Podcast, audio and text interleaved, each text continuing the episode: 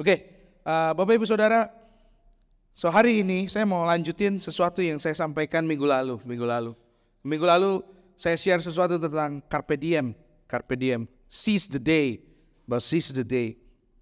Dan minggu lalu saya uh, mencoba untuk meletakkan sebuah fondasi untuk apa yang akan saya sampaikan hari ini.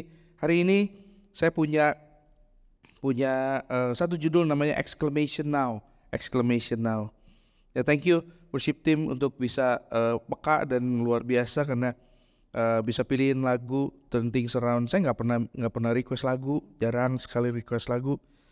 Dan kalau saya request lagu mereka nggak tahu lagu yang saya request. Aduh.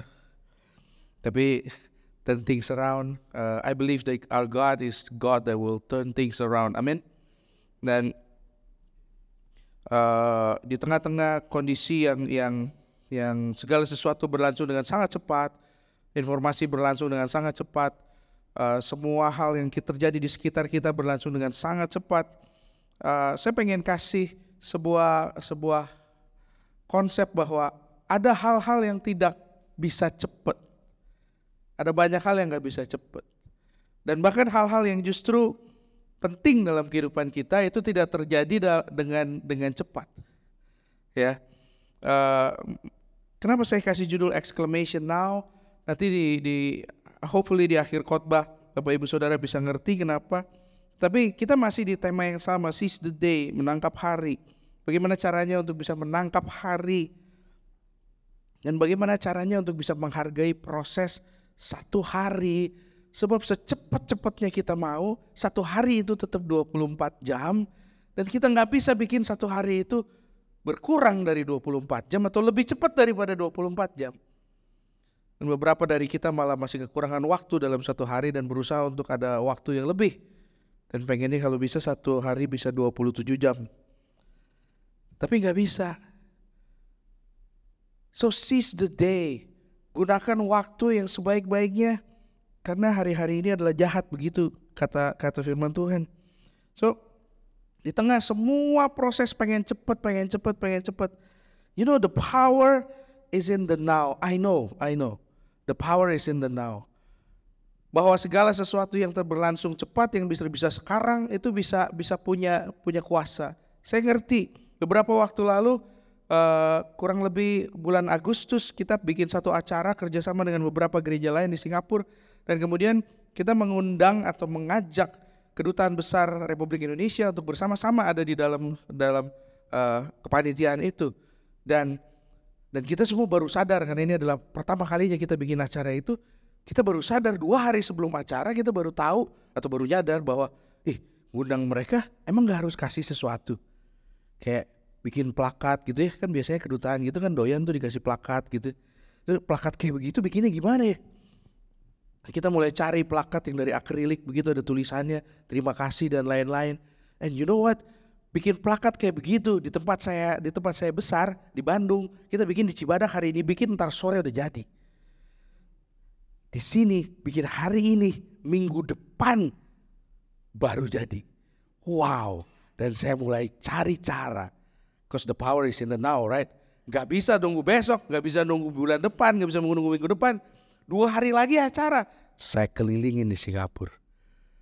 Coba semua kampus art and design, saya datengin semua tokonya, dan ternyata gak bisa. Gak bisa, gak bisa. Kayaknya satu Singapura mesinnya cuma satu. Kalah sama Cibadak, ya. Yeah. Sama Jalan Pagarsi, ya. Yeah. Sama Pagarsi kalah. Pagarsi saya bisa. Yang nggak tahu Pagarsi nggak apa-apa. Nggak ganggu keselamatan sama sekali. But The power is in the now. If it's not available here, it will exist somewhere else. So saya berusaha untuk cari tempat yang lain. Cari di mana pun sampai akhirnya tetap nggak bisa. Ya udahlah, kalau udah nggak bisa, but the power is still in the now. So toko buku rohani cari lukisan, kemudian ditulis di belakangnya terima kasih. Standar banget ya udahlah, nggak bisa apa-apa. But can you see the power? It's still in the now. Butuhnya sekarang, tetap sekarang. Nggak bisa ditunggu besok. Seringkali waktu kita berdoa, sering kali waktu kita minta sesuatu dari Tuhan, dan waktu kita ngomong sama Tuhan, kita minta jawabannya sekarang. Kita nggak mau nunggu besok, nggak mau nunggu minggu depan, nggak mau nunggu bulan depan, apalagi tahun depan. Kalau saya minta sekarang, artinya sekarang Tuhan. So semua doa dialaskan dengan yang begitu rupa. Apalagi kemudian terjemahan dari Never Incorrect Version, NIV. Ya, cuma sedikit yang ketawa berarti cuma sedikit yang tahu bahwa NIV singkatannya adalah New International Version. So, dari terjemahan dari NIV dari Ibrani ayat 11 adalah now faith, now faith. Ada tulisan now faith di situ, iman yang sekarang, iman yang sekarang. Enggak yang besok, enggak yang lusa, yang sekarang. Kalau sekarang ngomong sekarang harus jadi gitu. Sehingga semua orang mulai mulai mulai punya konsep bahwa kalau saya berdoa, sekarang berdoa, sekarang juga terjadi. Kalau ada yang sakit, didoakan sekarang, sekarang juga terjadi. Enggak gitu. Alkitab kita nggak pernah ngajarin gitu by the way. Gak pernah ada cerita bahwa hari hari detik itu kita bilang detik itu juga terjadi. Ada yang detik itu juga terjadi. Ya, yeah, it's okay.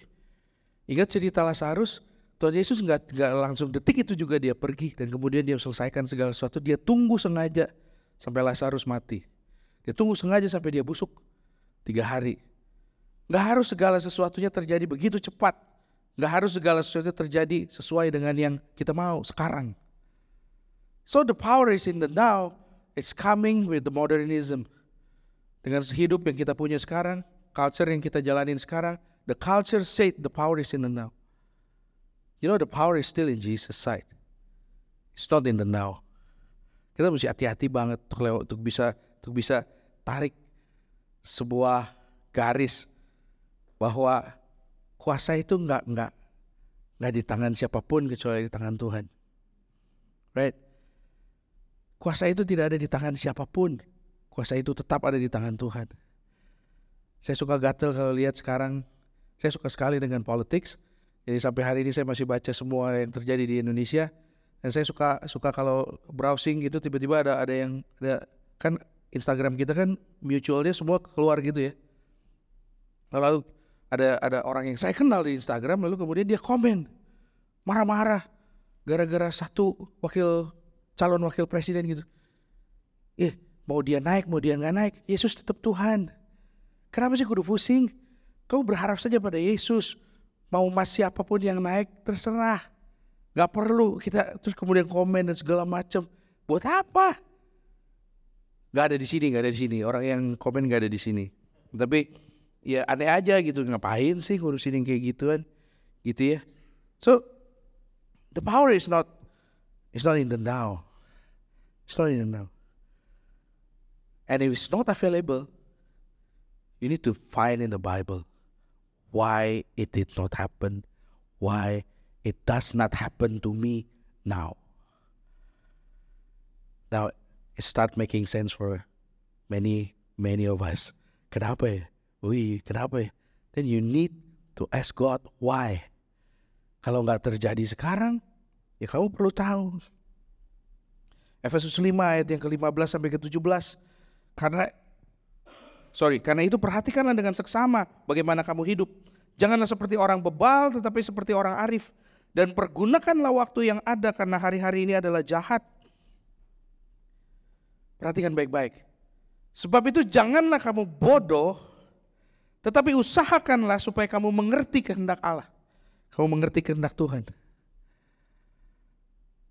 Usahakanlah supaya kamu jangan bodoh, tetapi usahakan supaya kamu mengerti kehendak Tuhan. Jadi kalau saya ambil dari ayat ini, lawan kata dari bodoh adalah mengerti kehendak Tuhan. Dan sering kali kita berdoa, kita minta, kita ngekeh. Seberapa seberapa ngekehnya sih?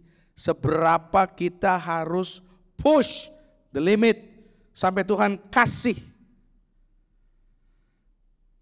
dan beberapa dari saudara mungkin punya pemahaman bahwa oh, kita harus ngepush sampai se, se, se, sebisa mungkin sampai Tuhan jawab. Saya percaya Tuhan pasti jawab. Pasti jawab. Kalau kalau saudara jadi anak yang baik, anak Tuhan yang baik, lalu minta sesuatu dari bapaknya. Kalau saudara ngiyang terus-terusan, bapaknya udah bilang enggak. Tapi terus-terusan, pasti dikasih. Percaya deh. Because I'm a father now. I know how it felt. Dia terus-terusan minta, terus-terusan minta, terus enggak. Terus minta, enggak. Wih sedih banget loh kalau jadi bapak terus bilang gini, nggak bisa, I don't have the money. Waduh sedih banget. So every time saya selalu bilang nggak bisa, nggak bisa. You know why? Nggak bisa sekarang, nggak bisa sekarang. You wait, you wait. Sampai akhirnya saya lulus sendiri dan let's just buy it. Let's just buy it. Kasih aja udah. Gitu. So kalau kita mau terus ngepush Tuhan, dikasih nggak? Dikasih dikasih. Tapi syaratnya itu tadi, kamu anak yang baik, disayang. Allah kita itu Allah yang sangat favor sama seseorang. Jadi kalau di sini ada orang tua punya anak empat, punya anak dua, saya tanya favoritnya yang mana, dia bilang sama semua, bohong. Bohong, udah pasti bohong. Karena Allah sendiri adalah Allah yang punya favorit. Dia punya favorit anak yang mana yang dikabulkan, anak yang mana yang gak dikabulkan. Right? Gak ada yang berani ngomong, ya udah gak apa-apa. Kalau kamu memang anak seorang anak yang baik, Tuhan pasti akan kasih. Tetapi belum tentu itu yang terbaik yang harus terjadi. Gitu loh. Seringkali kita minta sesuatu yang yang yang maksa, tapi karena kita anak yang baik, dengerin Tuhan, gak pernah ngelawan, gak pernah kurang ajar, Tiap hari cari dia. Saudara minta sesuatu Tuhan kasih. Tetapi udah gak pernah berdoa. Baca Alkitab gak pernah. Ke gereja cuma Natal sama Paskah. Cuman kalau pas ditelepon sama orang lain. Terus kemudian gak pernah mentingin Tuhan. Tiba-tiba kalau berdoa mintanya sekarang. Ya udahlah. Terima aja nasib kalau kayak gitu mah. Sesuai dengan apa yang kamu tabur itu yang kamu tuai. I'm sorry to say but it's true. Kalau kamu memang anak orang yang sangat dekat dengan Tuhan dan kemudian kamu maksa, Tuhan akan kasih. Tetapi ayat ini bilang, kamu bodoh.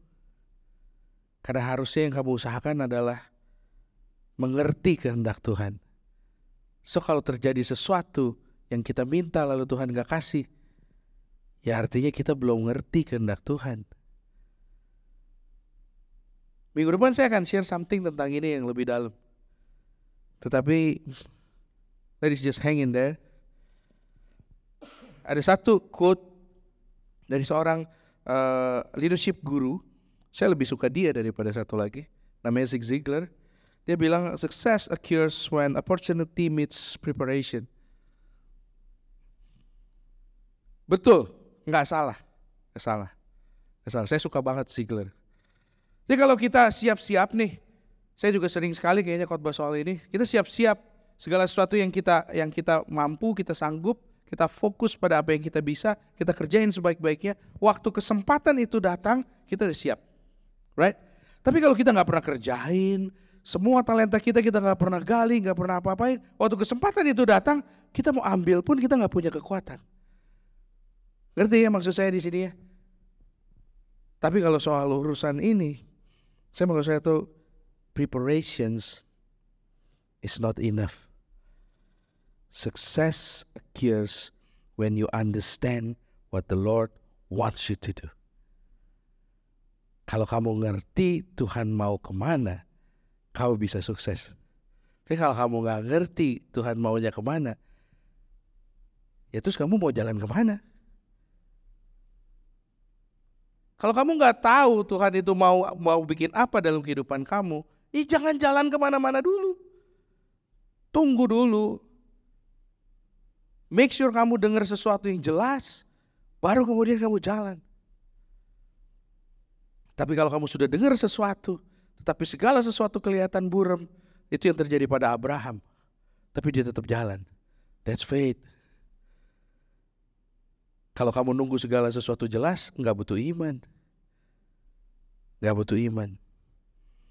Tetapi understand what the Lord wants you to do. Yang penting tuh ngerti Tuhan tuh pengennya kita ke mana. Gak penting tuh yang lain. Oke, okay, preparation tuh penting. Iya, kamu sambil jalan kan bisa bisa tetap melakukan itu semua. Tetapi kalau kamu nggak ngerti Tuhan mau kamu ngapain, I think you need to retreat. Retreat. Mundur dulu sebentar, lalu kemudian tanya Tuhan. Di Indonesia ada banyak tuh bukit doa, pergi deh. Kemudian masuk ke dalam situ, dan baru keluar sampai kamu yakin bahwa Tuhan bicara sesuatu pada dirimu. Cari Tuhan, cari hadirat Tuhan. Saya mau nyambung dengan ayat yang apa yang saya share minggu lalu dari Yakobus. Dan sebagian besar dari kita mungkin ingat saya bilang Yakobus adalah sebuah sebuah surat yang sangat gampang dan sangat membumi. Tetapi isinya tajam sekali. Isinya itu Gak segala sesuatunya bisa kita kita kita lakukan dengan dengan mudah. Yakobus 5 16b sampai 18 bilang begini doa orang yang benar, yang benar bila dengan yakin didoakan sangat besar kuasanya.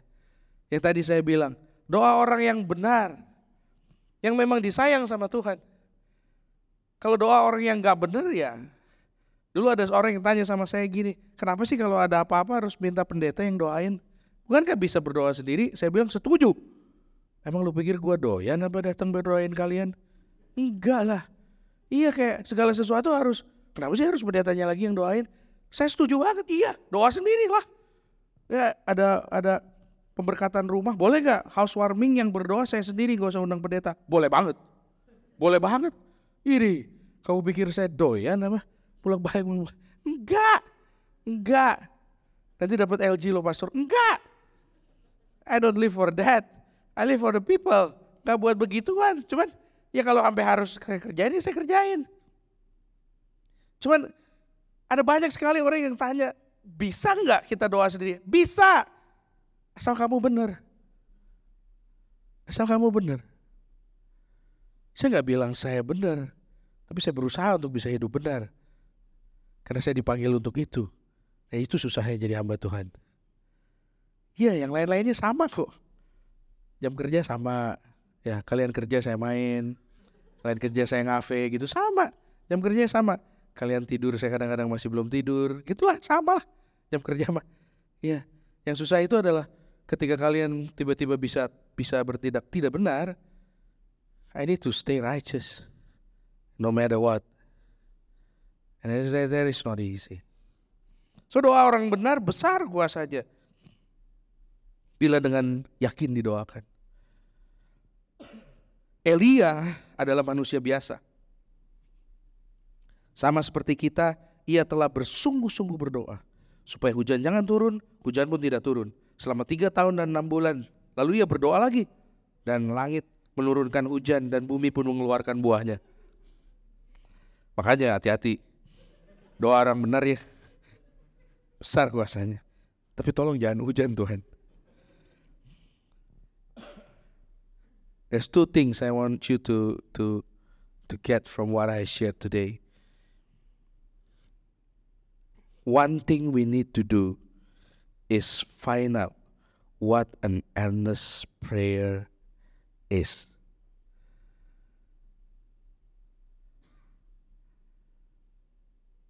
What is an earnest prayer? Doa yang sungguh-sungguh. Bila dengan yakin didoakan. Ya doa yang sungguh-sungguh itu gimana? Yang panjang atau yang dirancang kayak puisi Allah Bapa di hadapan di, di di dalam surga yang duduk tahta yang maha tinggi luar biasa yang bertahtakan batu-batu mulia begitu enggak saya rasa enggak gitu Apakah doa yang panjang banget, yang gak selesai-selesai, sehingga Grace saja bisa sampai doain Afrika, doain doain semua belahan bumi gitu. Yang begitu yang earnest prayer? No, I'm really asking. Apa earnest prayer? Apa itu doa yang sungguh-sungguh yang kemudian berharga di hadapan Tuhan? Doa yang sungguh-sungguh adalah doa yang ngerti Tuhan itu maunya apa. That's another prayer.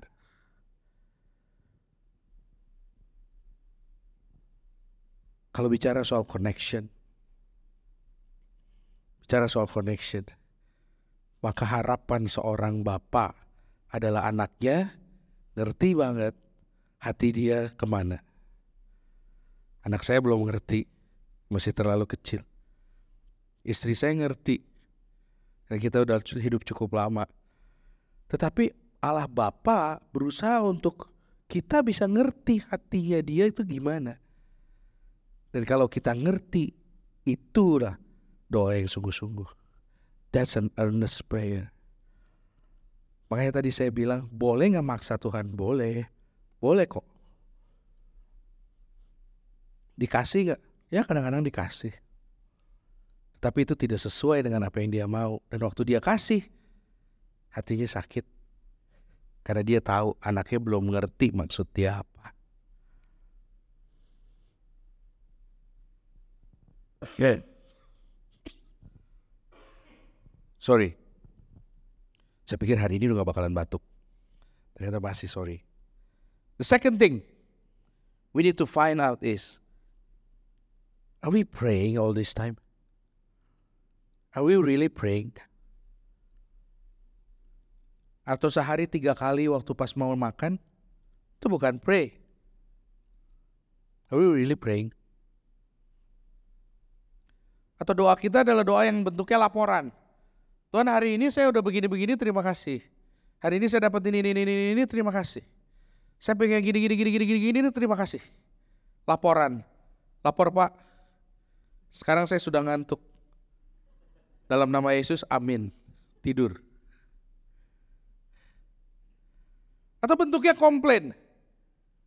Tuhan, kenapa bisa begini? Kenapa hari ini terjadi tidak sesuai dengan apa yang saya doakan tadi pagi? Loh, emang Tuhan tanda tangan di mana? Emang segala sesuatu harus berlangsung sesuai dengan yang kamu mau? Sebagian besar dari dari doa-doa kita isinya kalau nggak laporan, komplain, marah-marah, kalau nggak request. Tuhan saya minta ini, minta ini, minta ini, minta ini. Eh, my questions still keep remain the same? Are we really praying? Emang saudara berdoa ngobrol nggak? God, I want to hear you.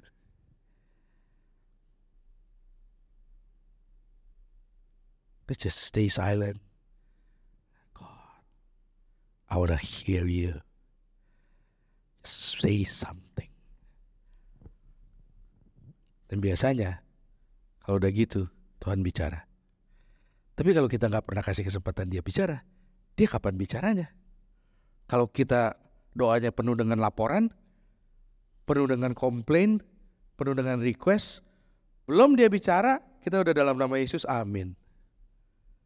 Selesai. Terus dia ngomongnya kapan? Dan saudara berharap Tuhan ngomong lewat saya. Satu minggu satu kali, Come on. Kamu tujuh hari, masa cuma mau pakai kekuatan satu hari, satu, satu hari dengar dari saya doang?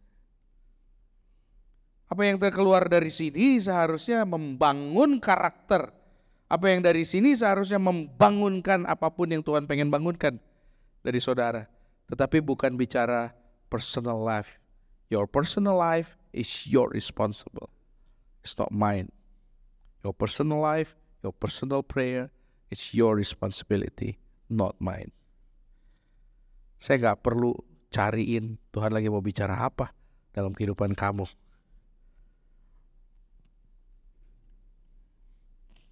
It's easy to complain, but it's not that easy to communicate. Let alone earnestly communicate with God. Coba deh sekali-sekali dateng tuh nggak ada requestnya. God, I just want to say I love you. Coba deh sekali-sekali datang tuh nggak minta apa-apa gitu. Cobain deh. Dan Tuhan akan bicara banyak. Sebagian besar orang yang saya ketemu yang nanya sama saya soal puasa, soal puasa, selalu lagi punya masalah dan pengen punya jawaban cepat. Terus puasa, ya salah lah. Udah lapar, salah lagi. Puasa itu adalah cara kita mendekatkan diri dengan Tuhan karena kita mematikan apa yang seharusnya menjadi jadi hak kita untuk makan. Lalu kemudian kita matiin itu sehingga kita jadi lebih dekat dengan Tuhan. Lebih peka. Dan kalau lebih peka tapi nggak tetap nggak mau dengar Tuhan, ya tetap nggak dengar apa-apa. Setelah kamu peka, kamu tetap komplain, kamu tetap marah-marah, kamu tetap request, dan kamu tetap laporan sama Tuhan, ya Tuhan juga nggak bisa ngomong apa-apa anyway. So if you are praying, my question is, are you praying with the right attitude? Atau kamu cuma sekedar berdoa aja? Sebab doa orang yang sekedar berdoa, ya tidak besar kuasanya. Doa orang yang benar, yang besar kuasanya.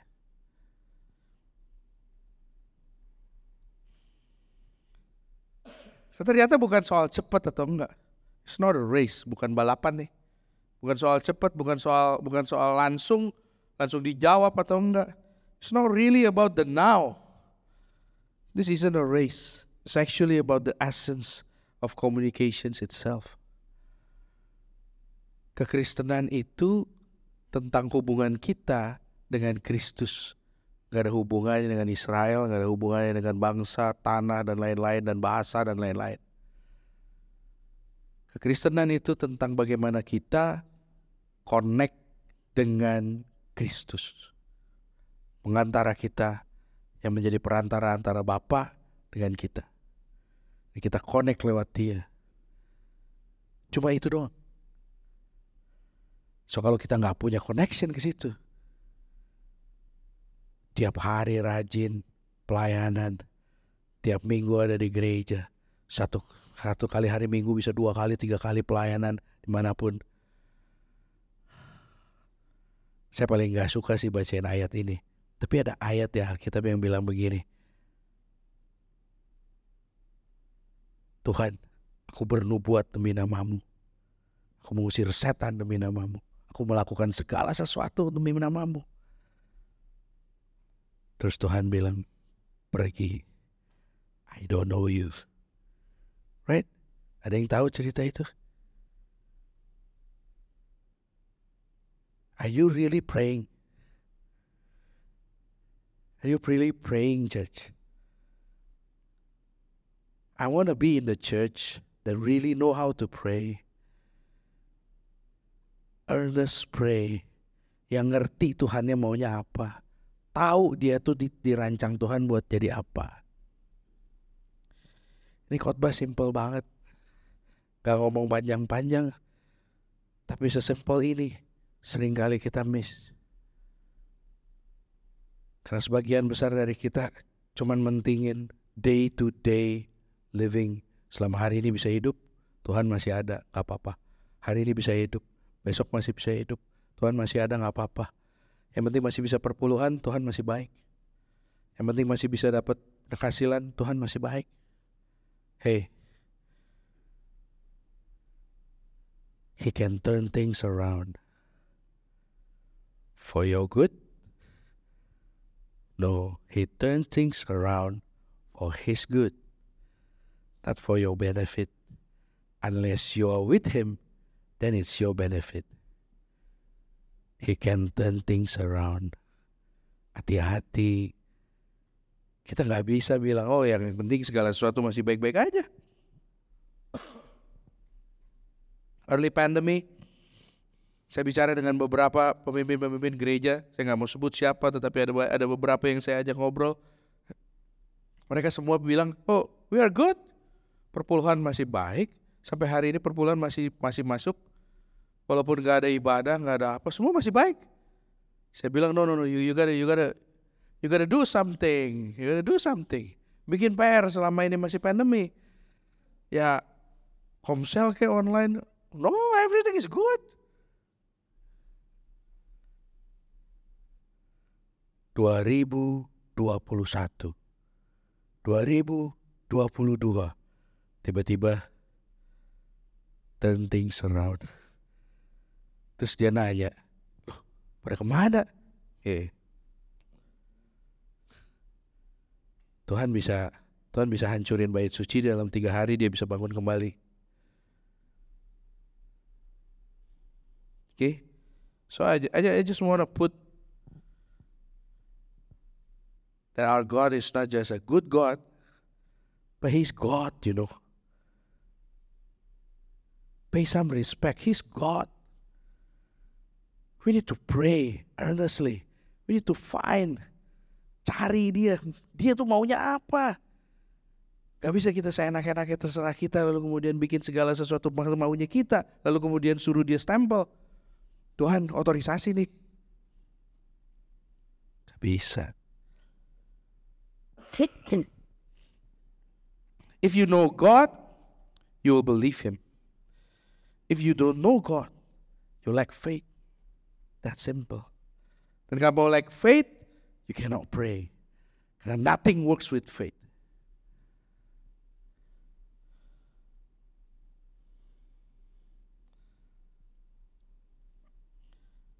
Hari ini saya memang marah-marah. Iya. Yeah. Karena ini udah akhir tahun. Wake up.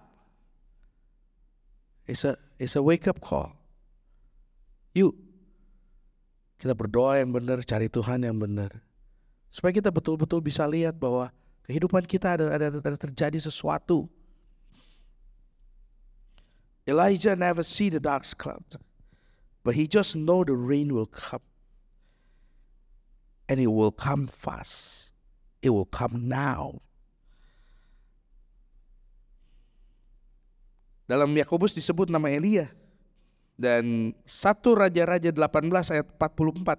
Saya bacain dari versi New Living Translation. Bilang begini. Finally, the seventh time. Elia nih. Elia. Orang yang luar biasa diurapi Tuhan tujuh kali. For the seventh time, his servant told him, I saw a little cloud about the size of a man's hand rising from the sea. Then Elijah shouted, Hurry to Ahab. Tell him, climb into your chariot, go back home. If you don't hurry, the rain will stop you. Yang lihat awan itu bujangnya. Elia nggak pernah lihat awan. Kalau saudara belajar tentang Elia, saudara akan rada ngerti kenapa Elia begitu. I love Elijah. Setelah Yesus, karakter paling yang saya suka yang yang paling saya suka di Alkitab adalah Elijah. Kalau saya punya anak laki-laki akan saya kasih nama Elijah. Tapi masih berantem sama istri saya dia nggak mau. If you know Elijah, dia nggak berani lihat ke atas karena dia takut. Karena dia takut. Karena dia ngerti apa yang dia lihat itu belum terjadi. Dia suruh bujangnya, lihat ada awan gak? Bujangnya naik satu kali gak ada. Dua kali gak ada. Tiga kali gak ada. Empat kali gak ada. Lima kali gak ada. Enam kali gak ada. Yang ketujuh kali, for the seventh time. Terus bujangnya turun, ada awan kecil. Kecil, baru naik dari laut. Langsung Elia bilang, kamu kasih tahu Ahab, dia pergi sekarang, pulang sekarang kalau enggak dia nggak akan kena hujan, nggak bisa pulang. He never saw the dark clouds. Never. Gak pernah lihat. Tapi tahu kenapa Elia spesial dan tahu kenapa Elia disebut. Padahal dia orang biasa. Karena dia punya iman. That's faith. That's seizing the day. That's exclamation now. Waktu dia bilang sekarang, sekarang jadi. Elijah knew the power of prayer and the power of syncing with God. Dia sinkron dengan Tuhan. Dia nggak takut lihat kenyataan karena dia sinkron dengan Tuhan. Orang-orang yang nggak takut lihat kenyataan adalah orang-orang yang lebih sering spend waktunya berdoa daripada lihat kenyataan. Tetapi orang-orang yang lebih sering ada di kenyataan, share segala sesuatu, ngomong ke segala orang, bahkan mungkin ngomong di Facebook, di TikTok, tolong doain, tolong beginiin, tolong begitu. Dia sendiri gak pernah berdoa, suruh orang lain berdoa. Dia lebih sering spend waktunya dengan Tuhan sehingga dia tahu Tuhan pasti akan bikin hujan. Dan hujan itu turun. Dan sebelum hujan itu turun, dia udah bilang, sekarang akan turun. Kasih tahu dia suruh pulang sekarang, kalau enggak dia bakal kehujanan. Kok bisa?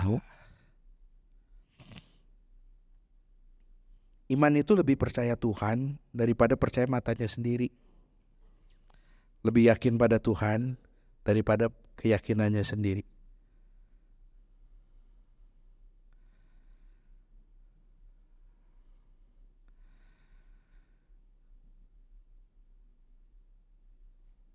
Mata kita sering kali lihat sesuatu yang seharusnya kita nggak lihat. Dan percaya pada sesuatu yang seharusnya tidak perlu kita percaya.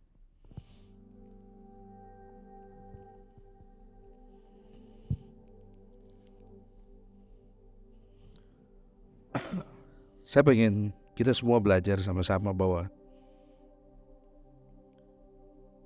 iman itu yakin seize the day, seize the faith, seize the moment. Itu yakin bahwa Tuhan itu ada sama kita. Kalau nggak punya keyakinan itu, rugi jadi orang Kristen. Dan berhenti jadi orang Kristen yang biasa-biasa aja. Sebab nggak ada satupun dari kita yang diciptakan biasa. Saya akan selalu bilang bahwa FJF Singapura akan selalu jadi training ground.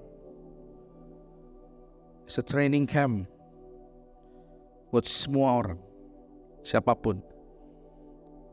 Ketika nanti tidak ada di sini lagi, orang itu akan sanggup untuk mengerjakan hal-hal yang luar biasa. Karena di sini dilatih untuk melakukan hal-hal yang luar biasa. It's never about the pray nor the prayer. It's about the one that we pray to. It's never about us lagi. It's always about Jesus. So, lihat di semua doa-doa kamu deh. Kalau doa itu pusatnya Yesus, biasanya kejadian. Kalau doa itu pusatnya dirimu sendiri, you better ask yourself, find a new request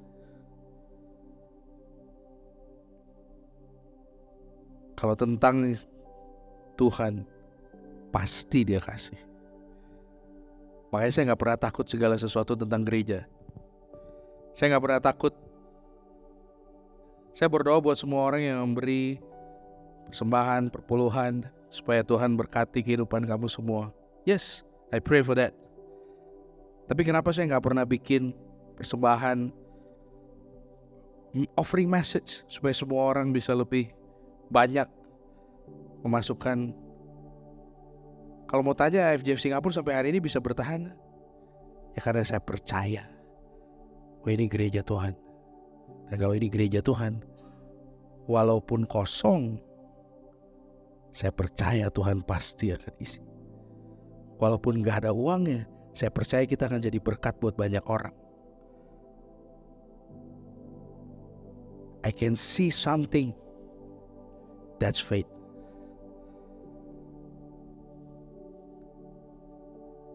Tapi kalau nggak ngomongin gereja, saya sering kali bilang, ya let's pray about it. Let's pray about it. Tentang kehidupan saya, kehidupan istri, anak, saya selalu bilang, Let, let's just pray. Tapi soal gereja saya selalu bilang, no, we gotta do it. Why? God will provide. That's my faith. Kalau saya nggak bisa kasih faith itu buat gereja ini, ya percuma. Dan saya pengen Bapak Ibu Saudara semua punya punya pemahaman yang sama, attitude yang sama untuk bisa di-apply di kehidupan Bapak Ibu Saudara masing-masing. You gonna need it. I know you do, you you doesn't lead a church. Yes, I know. It- It's not about the church. You're gonna lead a family one day, all the youth. You're gonna lead a family one day. All the girls gonna be a good helper to a leader one day. You're gonna lead this. Simpan baik-baik. Percaya bahwa Allah akan kasih sama orang yang ngerti maunya dia apa. Amin. Saya, saya harap khotbah yang simpel ini bisa memberkati Bapak Ibu Saudara semua. Yuk mari kita sama-sama berdoa, tundukkan kepala. Thank you Lord Jesus. Thank you Jesus. Thank you Lord. Apa berdoa untuk semua orang yang hari ini datang dan mendengarkan firman Tuhan. Apa berdoa biar Tuhan yang beri kekuatan. Kekuatan ekstra untuk berani berdiri di hadapan Tuhan dan bilang God speak to me tell me your heart speak to me that I should know what to pray saya berdoa supaya ini bisa jadi pengalaman Bapak Ibu Saudara Dan saya berdoa Bapak Ibu Saudara akan bertumbuh menjadi jemaat yang kuat. Menghasilkan generasi yang kuat. Dan bisa berdampak ke tempat ini. Dan juga banyak tempat lain. Apabila engkau baik-baik mendengarkan firman Tuhan yang dibagikan. Pada sore hari ini pulanglah membawa berkat-berkat daripada Allah. The Lord will bless you and keep you. Kau akan terus naik tidak turun. Jadi kepala dan bukan jadi ekor. Dan apa pun yang kau sedang kerjakan, Tuhan akan bikin berhasil. Berkatilah mereka yang bekerja, studi,